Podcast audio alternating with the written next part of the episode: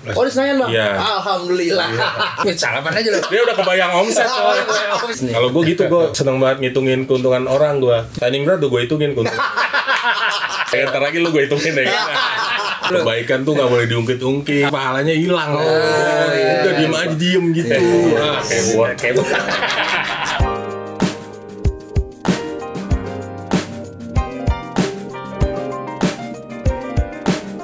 Jadi belakangan kan gue sering talk show nih, buat Sama siapa ya talk show-nya? Ya dipanggil sama sekolah, sama seminar perguruan tinggi.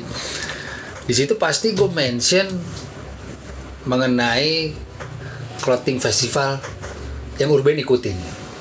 Contoh. Macam-macam. Cuma ada satu yang terus terang aja menurut Urban nih omsetnya masih yang paling besar. Alhamdulillah. Alhamdulillah. Dan Urban tuh waiting list satu setengah tahun. Satu setengah tahun. Yang ngajak lu siapa yang bisa ke situ? Yang ngajak gue, satu lu ah. Oh. Ungkit-ungkit mulu nih bang. Loh. Kebaikan tuh gak boleh diungkit-ungkit. Takut lupa aja bukan mungkin bang. Iya, ntar pahalanya hilang. Udah diem aja diem gitu.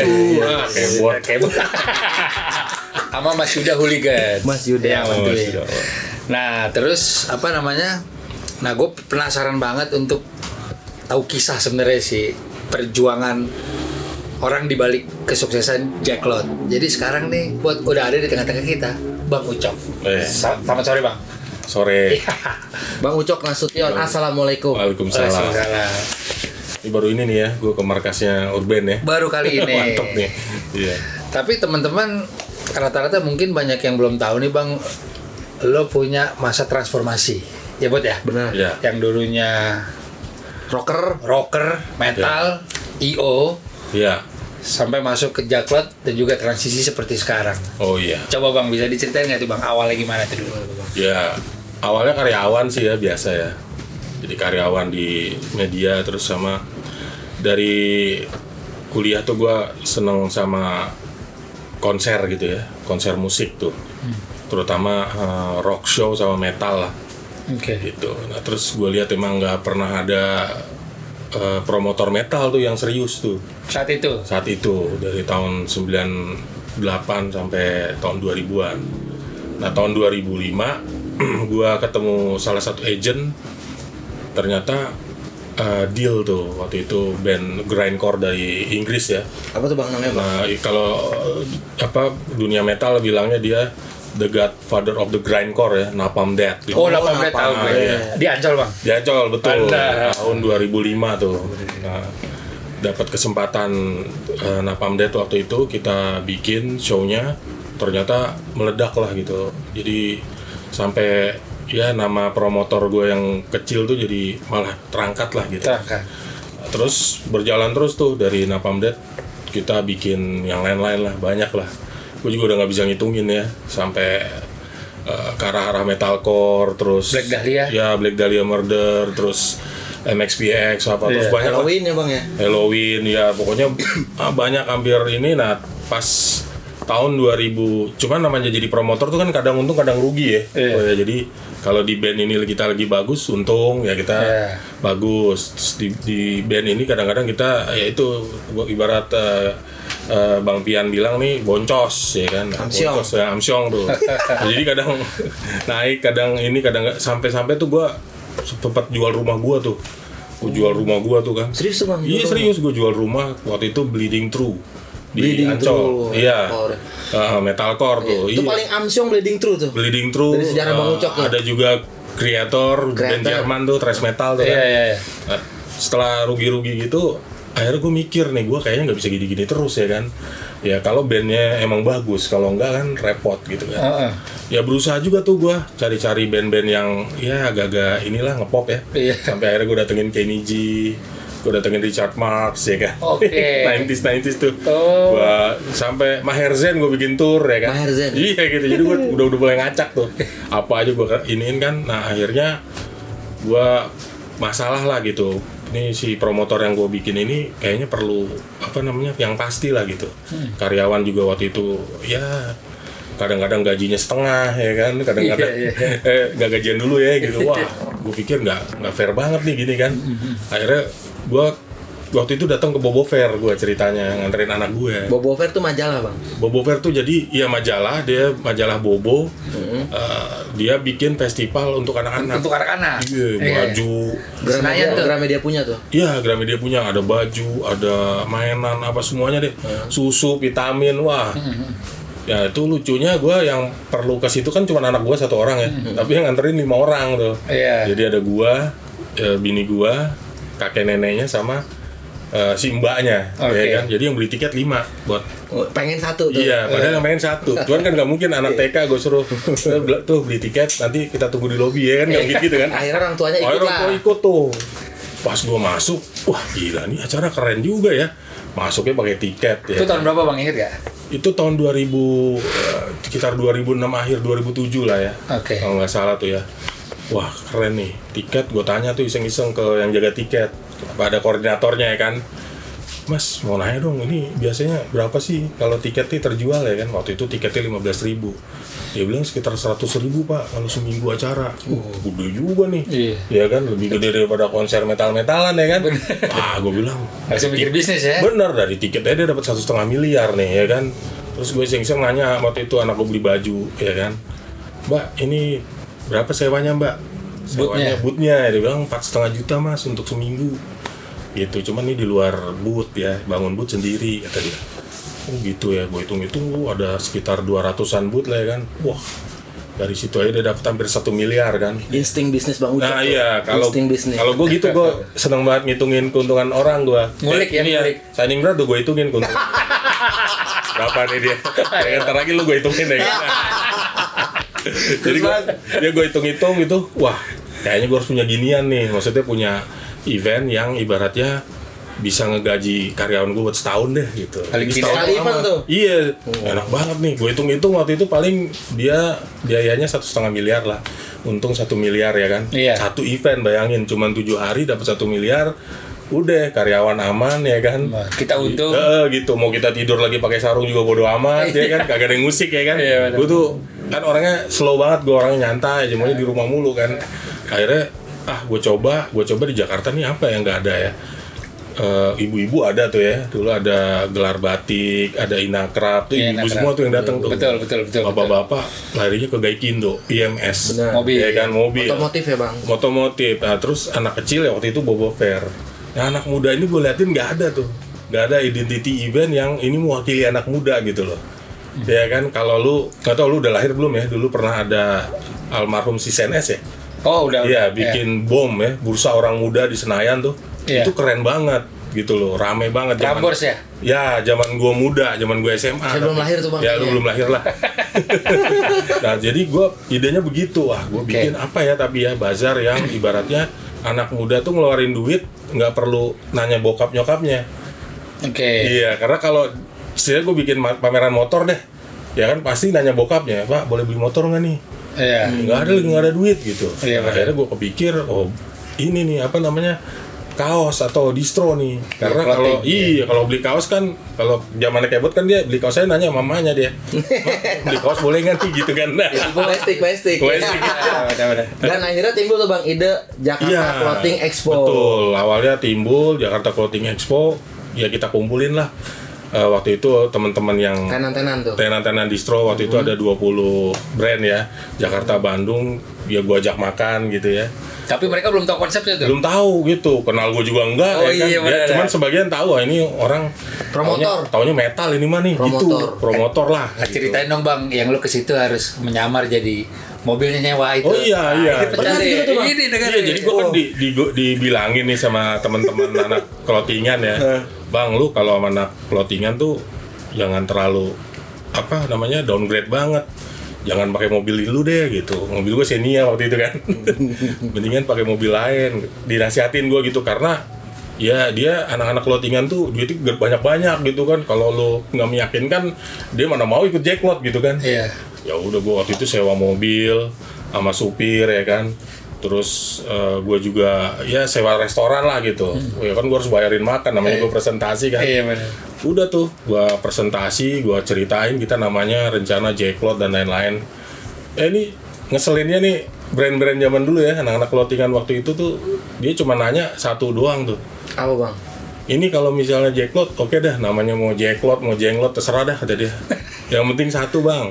Ini berapa orang yang datang nih ke event abang gitu karena Langsung iya langsung gitu karena udah banyak yang coba bikin di Jakarta tapi ya gitu akhirnya Jebur ya bang ya. Iya, kadang-kadang acaranya juga bagus, ya kan kurang rame, jadi kita juga eh, apa namanya nggak nggak ini gitu loh. Wah akhirnya gue asal ngejeplak aja tuh, gue bilang pokoknya nanti rencana kita nih mudah-mudahan 20.000 ribu yang datang. Terus ada lagi yang nanya, ntar kalau nggak 20.000 ribu gimana bang? Wah gimana ya kalau nggak 20.000 ribu kan bingung juga kan Iya. namanya event pertama. Iya betul. Ya udah deh gini aja, kalau nggak 20.000 ribu nanti bisa jadi gue bertanggung jawab lah. Artinya duit lo pendaftaran stand lo mungkin bisa gue balikin. Berarti Iya. bang Ucok berani ambil resiko. tuh. Iya gitu, karena gue gue dari di satu sisi gue ada keyakinan nih sama event ini Sama, Jacklot ini. sama konsep ini ya. Betul. Wah tuh gue kalau waktu itu Jacklot nggak jalan, gue kayak balik lagi kerja tuh. Padahal gue lagi suruh-suruhnya bikin apa eh, kerjaan sendiri apa Side event project. sendiri. Iya gitu. Akhirnya ya udah kita salaman salaman pulang eh, stres tuh gue sampai rumah. Gimana ya dua ribu gue bilang gitu kan. Mungkin nggak ya Jacklot dua ribu nih dalam tiga hari. Akhirnya udah tuh. Terus begitu juga sama sponsor lah ada sponsor minuman waktu itu dia mau ikut. Dia itu yang ditanyain tetap crowd ya berapa banyak yang datang nah akhirnya ya gue gua nggak tahu ya gue berdoa aja ya kan. Gue minta sama Allah ya Allah pokoknya lancarin lah. Kayaknya kalau event ini nggak jalan kayaknya Lian Mipro waktu itu gue tutup. Gitu loh gue udah deh gue selesai gue kerja aja deh. Kayak orang bener gitu kan Iya, iya gak iya, iya. ya mentok-mentok manajer lah gitu ya kan Iya. gue mikir gitu tuh. Dan ternyata? Ya hari pertama sebelum hari pertama itu jujur aja kita tuh ngebom sebenarnya. Hmm, jadi kita ngebom sekitar ada 5000 tiket kita bagi-bagiin kita bagi-bagiin di daerah seputaran Senayan tuh SMS Free tuh, Bang? Free? free kita Berarti- kasih invitation Taktik Bang Ucok tuh. Taktik. Karena supaya gua rame. iya, karena gue takut kan nih kalau hari pertama nggak rame, udah bisa kacau tuh. Ya, Iya. kan? Ternyata hari pertama itu yang datang kalau nggak salah 6000 Oke. 6000 yang beli tiket 3000, invitationnya 3000. 3000. 50-50 Iya, tuh, Bang, ya? 50-50. Wah itu semua brand nyalamin gua tuh. Wah Hari sukses pertama? bang, iya sukses bang, sukses 6000 sukses gitu. Dalam hati gua kan yang tahu gua ya. Tiga ribu ngebom ya kan, tiga ribu tuh ngebom gitu loh. Terus tiga ribu lagi beli tiket beneran kan. Wah gua bilang, ya gua berdoa lagi tuh supaya besok sama minggunya selamat gitu. oh, tiga hari tuh ya bang. Iya, itu hari Jumat tuh. Nah, ternyata alhamdulillah hari Sabtu kedua Minggu? Sabtu Minggu total tuh kita datang 40.000 ribu. Oh, oke. Iya, alhamdulillah. Iya. Oke, oke. ya kalau oke. sekarang perkembangannya gitu ya. Gue sangat bersyukur sekarang Jacklot kan kita tur hampir 25 kota. Per ta- tiap tahun tuh bang. Tiap tahun ya kita dikunjungi nggak kurang dari 2 juta orang gitu loh. Dan, ya gue nggak pernah mimpi tuh bakalan kayak gitu. Orang gue niatnya cuman supaya gaji karyawan lancar gitu aja gitu. Sekarang udah bisa segede ini. Ya alhamdulillah. Berarti udah 10 tahun nih Bang ya? Udah 10 tahun Sama sekarang. kayak Urban. Iya. Umurnya sama Urban. Berarti dari 2009 bang ya. 2009. Pertama kali Jacklot itu di Senayan yang patung panah tuh saya masih ikut band tuh bang.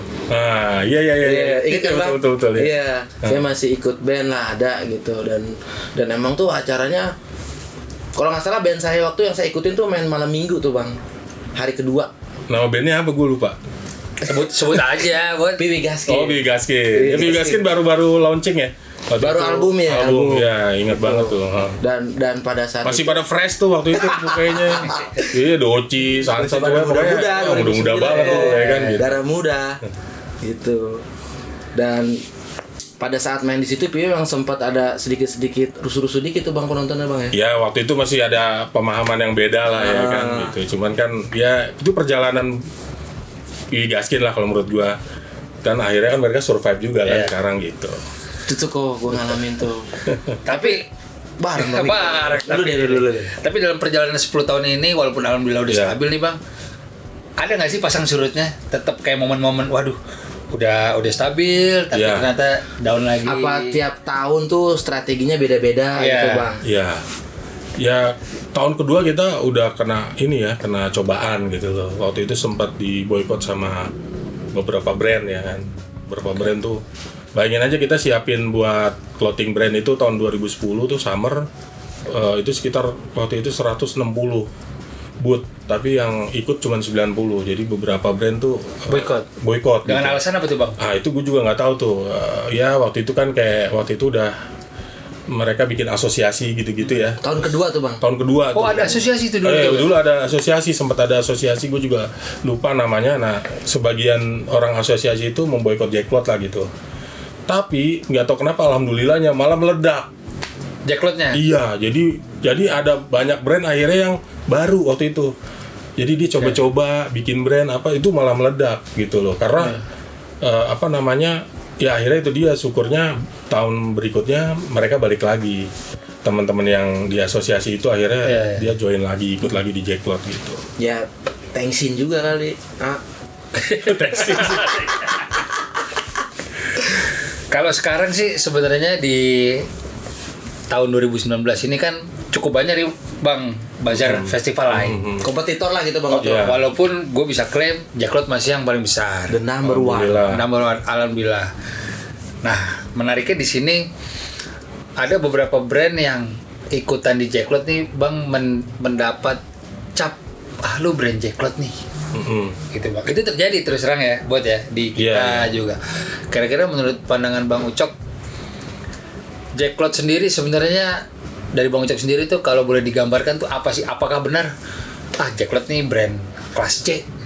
Ah Jacklot ini brand ah, apa festival nggak jelas.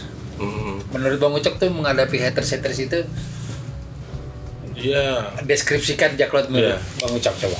Kalau gue mikir Jacklot tuh sekarang pasar sih ya, market ya, jadi sebuah ya tempat berjualan dan kalau diperhatiin nggak melulu yang murah yang laku ya kan, banyak juga yang brand-brand yang jual kualitas, jual tema gitu, Iya. itu malah diserbu ya kan gitu loh.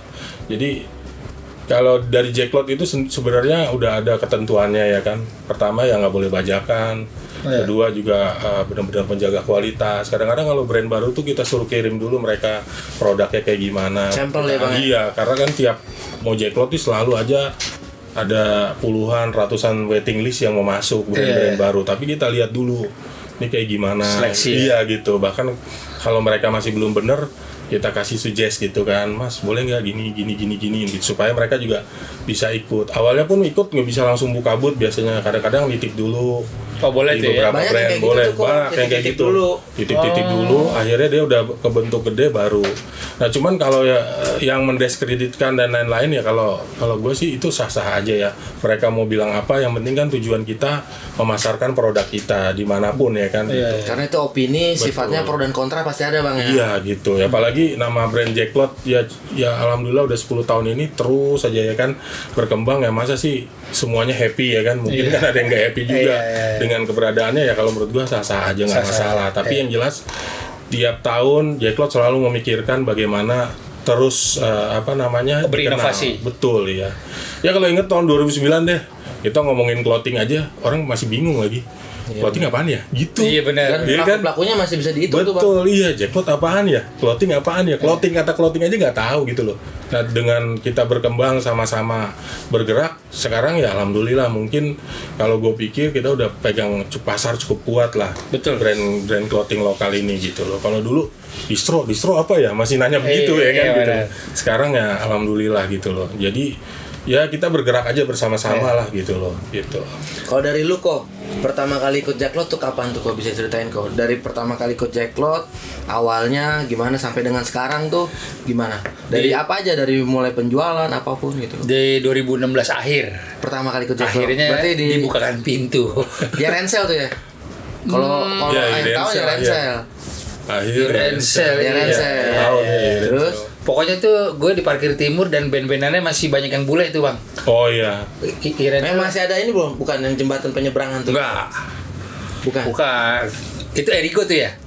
Enggak, Bang Ucok bikin jadi Oh, tuh. enggak, enggak, enggak, Gede bukan. banget Ada tempat tuh. jembatannya. Jembatannya Gue di parkir timur bukan. Oh, Oh, parkir timur ya. Terus Ya apa awalnya jujur karena memang kalau si Urban nih bang tidak mau mematok harga terlalu jauh.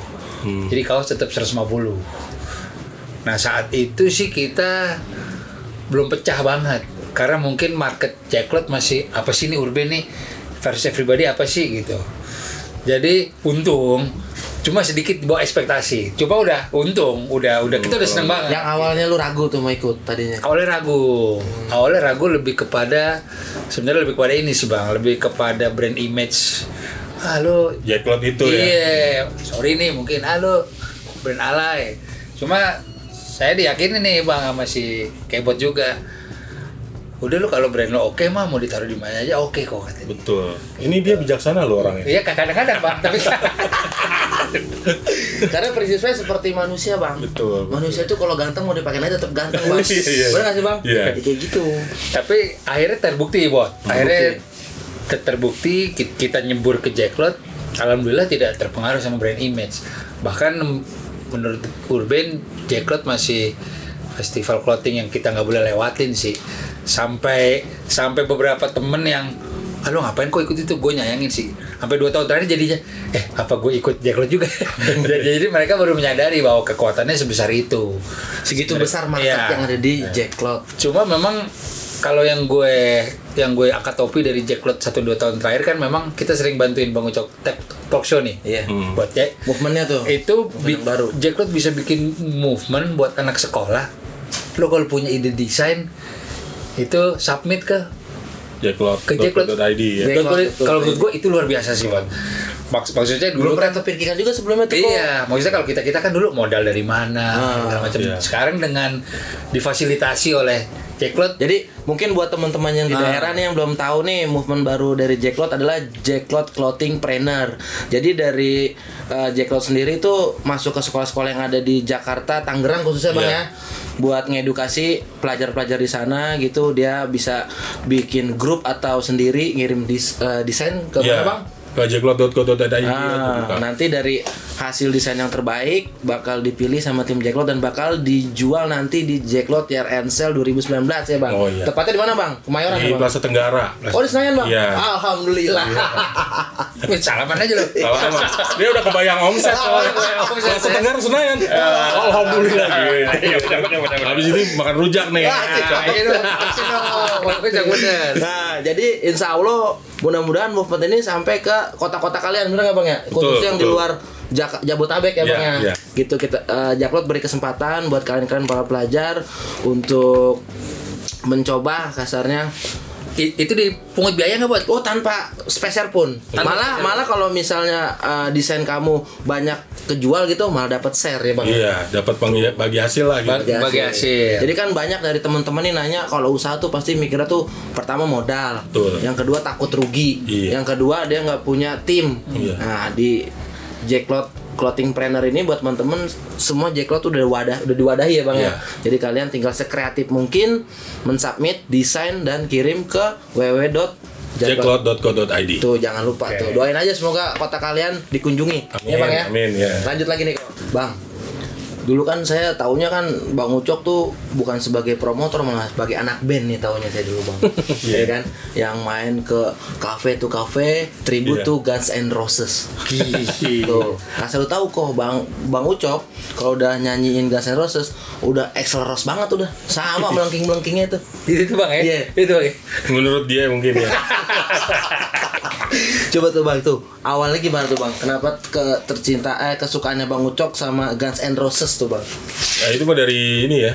Dari SMP. Dari SMP tuh. Dulu SMP kan emang eh, masa-masanya glam rock masuk tuh kan. Glam rock. 89 terus sampai eh terus akhirnya bikin band dari SMA ya entah kenapa bawain itu terus gitu kan bawain Guns N' Roses terus Sweet Celeman. ya gitu gitulah terus sampai ya sampai terakhir tahun-tahun kemarin tuh kan masih ngeband ya masih jadi eh, karena sering bawa eh, band itu Guns N' Roses jadi dibikin kita bikin band tribute aja walaupun sempat ngeluarin album sendiri dulu Oke. 2008 gitu Tapi offer kencang tuh bang ya manggungnya ya. ya itu ada terus ya dulu ada terus jadi Ada terus. setiap kita mau bubar ada aja tau tau eh manggung di sini manggung di sini ya udah akhirnya ada aja dulu gitu gitu Masya Allah kok ya. Masya Allah. Benar. Berarti bukan metal sebenarnya. Glam Bukan, rock. rock and, glam rock, rock and roll gitu. Motley Crue ya bang ya. Ya pokoknya White Lion. spesialisnya itulah lebih ke Oke. Guns N' Roses itu. Gitu. Kalau adik Bang Ucok metal baru. Kakak gua. Oh, kakak. Iya, grindcore dia. Om dia Mbak tuh kakak tuh bang. Iya kakak dia, walaupun borosan gua kan mukanya. dia, Iya. dia emang eh, apa namanya? eh, pas kuliah kan bikin-bikin band grindcore terus ternyata lanjut ya itu tengkorak bandnya Tengkorak ya betul. Betul betul betul. Terus masa transisinya gimana tuh bang? Bisa diceritain nggak? Dari akhirnya yang pelaku iya, Oh, iya. promotor iya. Kayak semuanya tuh banyak tuh Bang Ucok Bener, ya, udah portfolionya ya. lewatin semua sampai bang Ucok yakin kalau ya kayaknya sih gue punya. Kayaknya sih kalau dunia dikejar segini-segini aja sih. Iya. Iya, Ya. lu sering baca status gua kayaknya. Bener, bener. Dia emang kepo nih orangnya nih.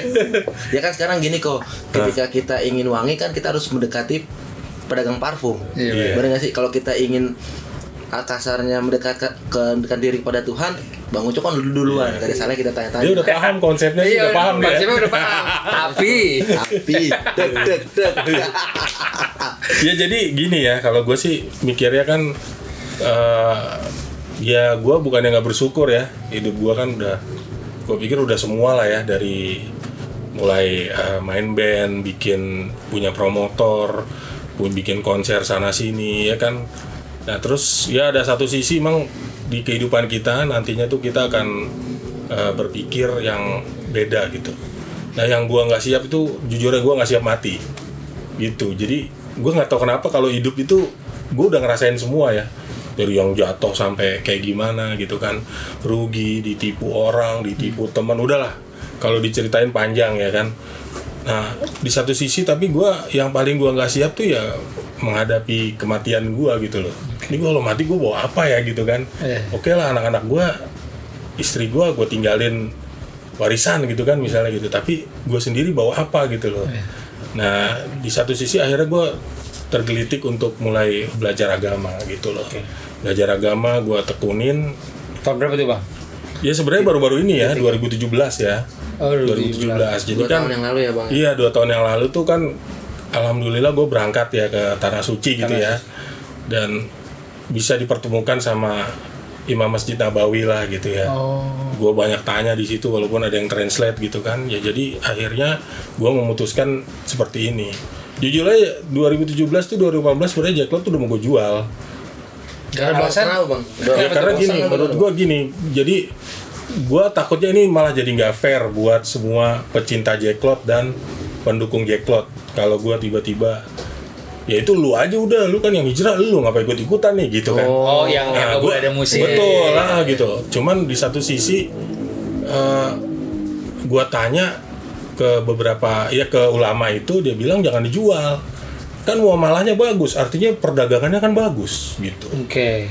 terus di satu sisi juga gue sebenarnya mah udah gitu gue iyain tuh tapi dalam hati gue gue tuh nggak yakin gitu loh apa iya nih nanti kalau nggak ada musiknya masih jalan nih Jacklot gitu kan Iya iya iya. ya itu gue juga ya itu akhirnya ya jujur aja waktu itu sempat ditinggal teman-teman juga gue sebagian Oke. nggak bener nih gini kan ini dia gini gini terus sampai sekaryawan gue tuh semi pro gue kumpulin lah gitu ya kan.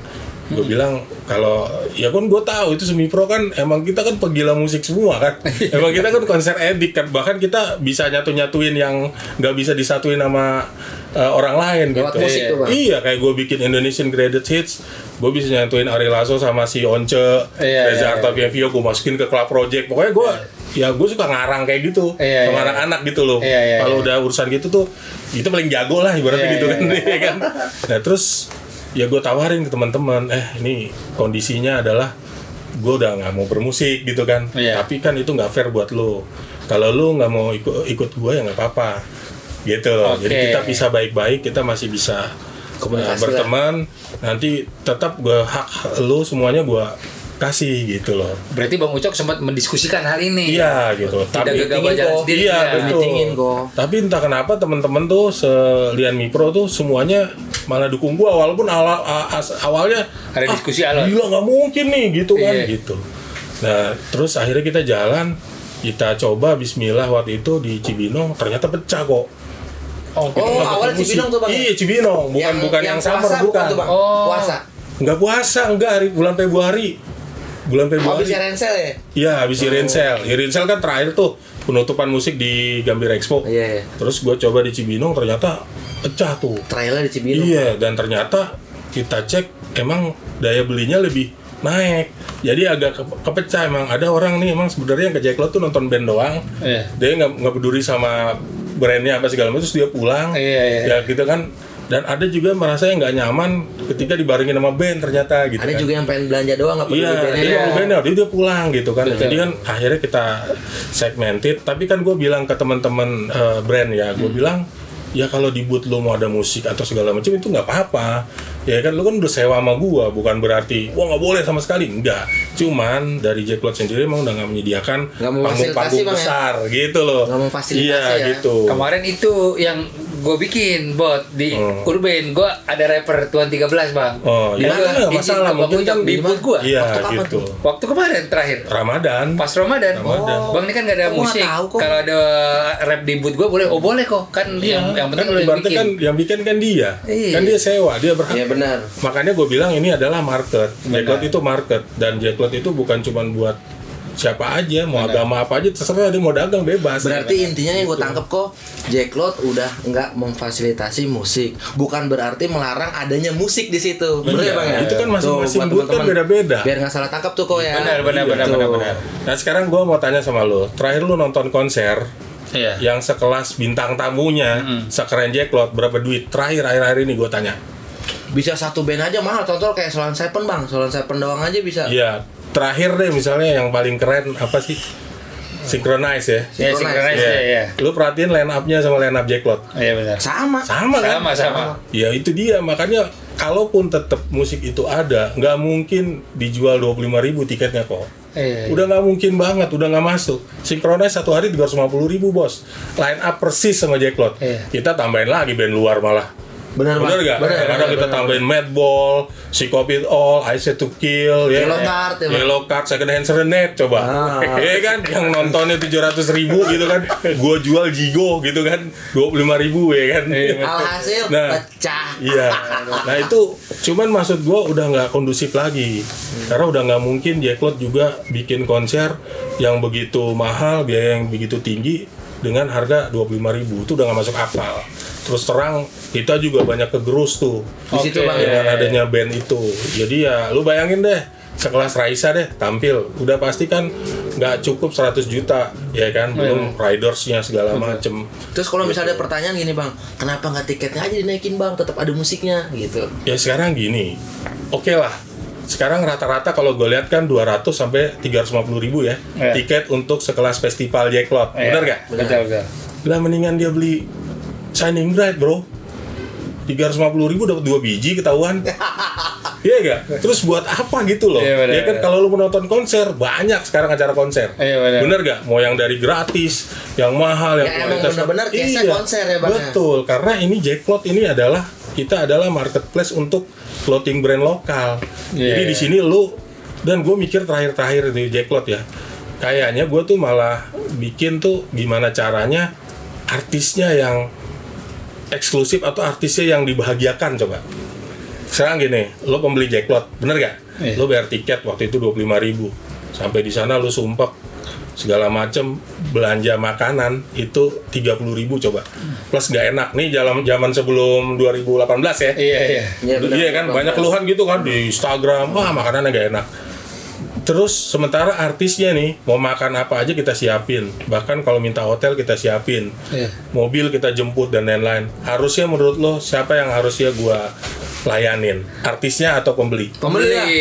Pembeli bang. setuju gua malu makanya gua rubah semuanya sistem. Oke. artisnya gua iniin ya kan? Kalau mau ada show show gig ya lu aja tuh kayak, kayak lu dibuat lu. Iya. terus kemarin si Atta Halilintar Iya. aha bikin ini ya, itu silakan silakan aja. Nah cuman maksud gua makanya gua rubah.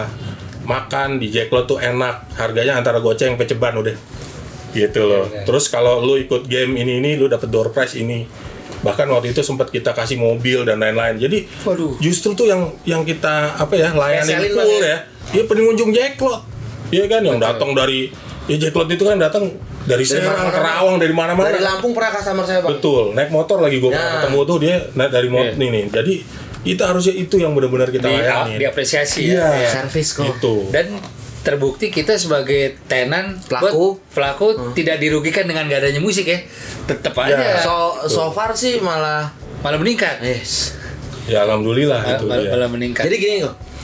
Ada yang ada yang eh, cerita lucunya kok. dengan konsep Jacklot yang sekarang nih kok. Iya. Contoh kita lah sebagai pelaku dan kita kan pasti situ punya eh, karyawan lah yang bekerja entah yang nginep entah yang jaga. Dengan Jacklot bikin ngasih kupon makanan serba goceng itu nilai plus loh buat dia.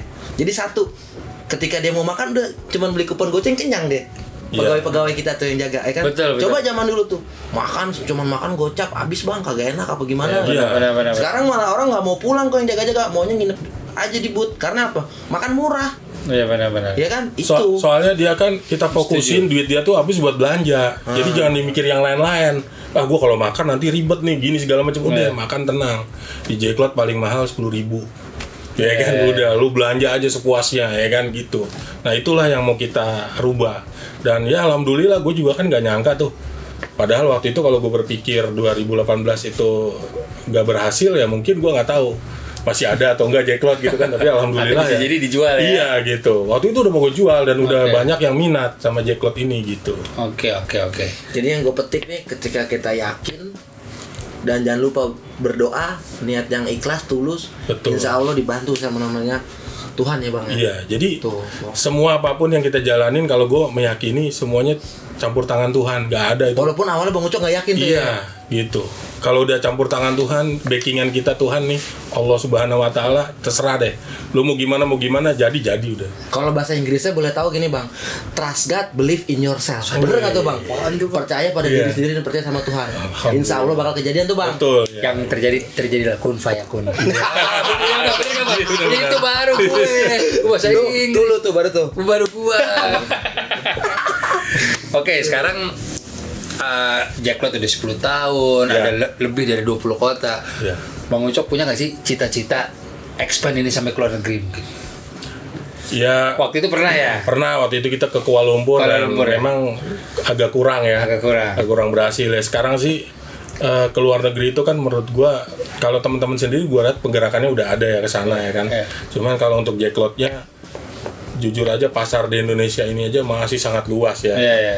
sekarang lu bayangin aja yang ke jacklot itu dari 267 juta paling yang berangkat ya berangkat bener ya gue bukan ngomong yang tahu itu paling 3 juta orang Iya. percaya nggak pasar kita tuh masih sangat gede gitu loh jadi kalau menurut gua ya kita maksimalin aja dulu Yang ada di sini. iya gitu kayak setuju, gitu daripada kita kebanyakan impor ya kan Benar, benar, gitu setuju. loh padahal ya gua aja dulu jujur aja gua maniak impor dulu sebelum kenal Jacklot jadi Iya. gua kalau belanja tuh barang-barang ya yang model-model surfing-surfing gitu Ini nih, Bang, nih, rock Bang. and roll kan Iya. biasa gitu kan tapi begitu tahu brand lokal kan gila ternyata nggak kalah keren gitu kan Betul. dan keren banget gitu Betul, nah. betul. Jadi kalau menurut gua kita maksimalin aja deh pasar lokal dulu. Setuju, gitu kan. setuju, setuju. karena juga masih ada daerah-daerah yang belum tersentuh ya bang ya Betul, iya. tuh Oke. Mungkin keinginan Bang Ucok nih Bang ya buat eh, daerah-daerah yang belum disinggahi sama Dikunjungi. Jacklot gitu. eh, mana tuh Bang? Apa? Apa tuh Bang harapannya tuh Bang? Ya gua pengen banget ke Papua ya sama Aceh ya. Oh, dua itu tuh Bang. Dua itu ya karena kalau Papua itu kan gak tahu online kita juga kenceng banget tuh sebenarnya ya. Kalau menurut gua eh, secara pribadi online tuh banyak yang request gitu kan. Oke. Papua Dan tuh. Papua iya gitu. Nah jadi eh, kita kan di jacklot.go.id kan banyak buyer gitu ya dari Papua. Nah, cuman kan kita nggak tahu. ongkir kali kalau sono Bang ya. Jauh kan mahal. Iya, taman dia bayar gitu misalnya ongkirnya enam puluh ribu dibayar. Bisa gitu. tuh bela-belain, ongkir lah harga barangnya malah ongkir ya Bang. Iya, dia bela-belain dia nggak nggak nggak ini dia nggak nggak masalah gitu kan. Iya, iya. Nah pengen banget ke sana sama ke Aceh ya, terutama Iya. kalau Papua itu kan ya kita pengen benar-benar inilah apa namanya eh, pengen pasar kita meluas dan ber, kasih kesempatan juga teman-teman di Papua mengenal job clothing planner Betul. dan lain-lain. Mereka juga bisa bikin brand sendiri. Ya mudah-mudahan di dari YouTube-nya Urban ini eh, pemerintah dengar bisa fasilitasi kita gitu. Nah. Amin, amin, amin, amin. Apalagi kemarin tuh yang pas Rico kan yang versus everybody itu kan Bang Iya. udah sampai Ambon ya. Oh, Dan masuk. ternyata di Ambon itu banyak juga lokal pemain-pemain lokal clothing lokal. di sana ya kok ya. Betul, betul, betul, betul. Iya kok ya. Iya. Nah di Papua tuh pasti gue yakin juga ada tuh kok. Sebenarnya kita salah satu syarat wajibnya collab versus everybody kan memang harus brand nih bang. Betul. Di Papua udah banyak buat betul. Yang request tuh. Yang request, tapi mereka nggak punya brand. Nah, Oh. Gitu. mereka masih lebih banyak kayak reseller atau distributor Bener. gitu sih. Jadi, Jadi emang kalau buat- brand sendiri tuh masih kurang ya. Gitu. Iya iya iya iya. Tapi intinya mungkin benar dengan adanya edukasi di YouTube ini, Iya. juga mungkin someday amin mudah-mudahan Bang Ucok sampai di sana itu bisa Kesampaian tuh ya. Iya, itu bisa di Papua bisa berkembang nanti gue yakin pasti sih. Itu aja. Jadi Bang, ma- market sih udah ada di Papua bang ya. Ada, Tinggal market. ghost tuh-nya aja. Bang. Betul. Biasa kan gini, eh, kayak Lampung dulu kan nggak banyak tuh brand Iya. yang ada di Lampung awal-awal 2010 kita ke sana. Begitu Jack Lot datang, tiba-tiba pas kita balik lagi ke sana, Udah uh, banyak. banget brand lokal gitu. Iya. Nambah terus, Bang, ya? Betul, kita maunya kan inspirasi. Bahkan kalau kita ke Lampung kan itu harus dijaga sekitar 20-30 booth buat brand lokal, nggak boleh dijual. Jadi Oke. udah, kita udah koordinasi sama brand lokal sana, ya Oke, gitu. oke, Jadi oke. kita senangnya gitu hidup. Padahal dulu nemu satu dua brand aja tuh alhamdulillah dulu kan Iya, gitu. iya, iya. Tapi sekarang kan berkembang. Nah, itu kita maunya juga menginspirasi itu gitu. betul, loh. setuju, setuju, setuju. Mungkin sebelum kita tutup nih Bang ada kata-kata terakhir pesan-pesan buat teman-teman yang mau memulai karir di dunia clothing, entah itu promotor, entah itu event supaya nggak putus asa itu gimana tuh Bang? Ya eh, kata-kata mutiara ya berarti. Buat teman Biasa kalau kalau kita Oh, lagi iya. ngomong kan bang Ucok suka ada Iya iya kata-kata iya. itu. Iya iya iya. Apa tuh? Ya kalau gua sih berprinsip dulu ya eh, sampai sekarang kita harus melakukan lebih daripada yang orang lakukan. Gitu loh. Coba lakukan misalnya kalau temen nih usaha cuman sekali, kita effortnya dua tiga kali gitu loh. Ya lihat aja nanti hasilnya. Dan selalu apa namanya tetap semangat sama eh, minta restu dari Allah Subhanahu Wa Taala ya. Betul. Karena semuanya itu kan Allah yang atur kita betul. jalan kita mau seperti apa gitu. Jadi ya jangan ragu-ragu langsung aja mulai gitu. Setuju. Restu orang tua dan Tuhan ya Tuhan bang. ya gitu. Oke. Jadi ya sama satu lagi bang. Apa tuh? Jack Lot Clothing Planner kira-kira tuh kisi-kisi buat luar kota gimana tuh bang? Buat teman-teman nih anak-anak SMA yang pengen banget Oh. punya usaha nih bang, Ya. yang luar kota tuh bang. Ya yang penting kalau teman-teman punya desainnya dan lain-lain langsung aja buka jacklot.co.id mulai ya kan. Yang penting eh, nanti kalau mau tanya-tanya kita ada nomor WhatsApp di situ silakan Eh, siapa tahu ini jadi eh, awal teman-teman menjadi sebuah brand gitu. Oh awal yang bagus bang Awal ya. bagus betul. Dari lu kok? Ya cukup. Jadi teman-teman jangan berke- berkecil hati. Lo bikin brand, mungkin bisa jadi brand lo kayak Shining Bright. Amin. Amin. Bisa gede, bisa ikutan ceklot. Intinya tetap usaha, cari teman sebanyak-banyaknya, cari referensi sebanyak-banyaknya. Oh iya, motonya Bang Ucok ATM. Apa Bang? Amati, tiru, modifikasi. Amati. Kasih. Gitu. ATM. Abang nggak berduit cair. Ya, bang. Wassalamualaikum warahmatullahi wabarakatuh.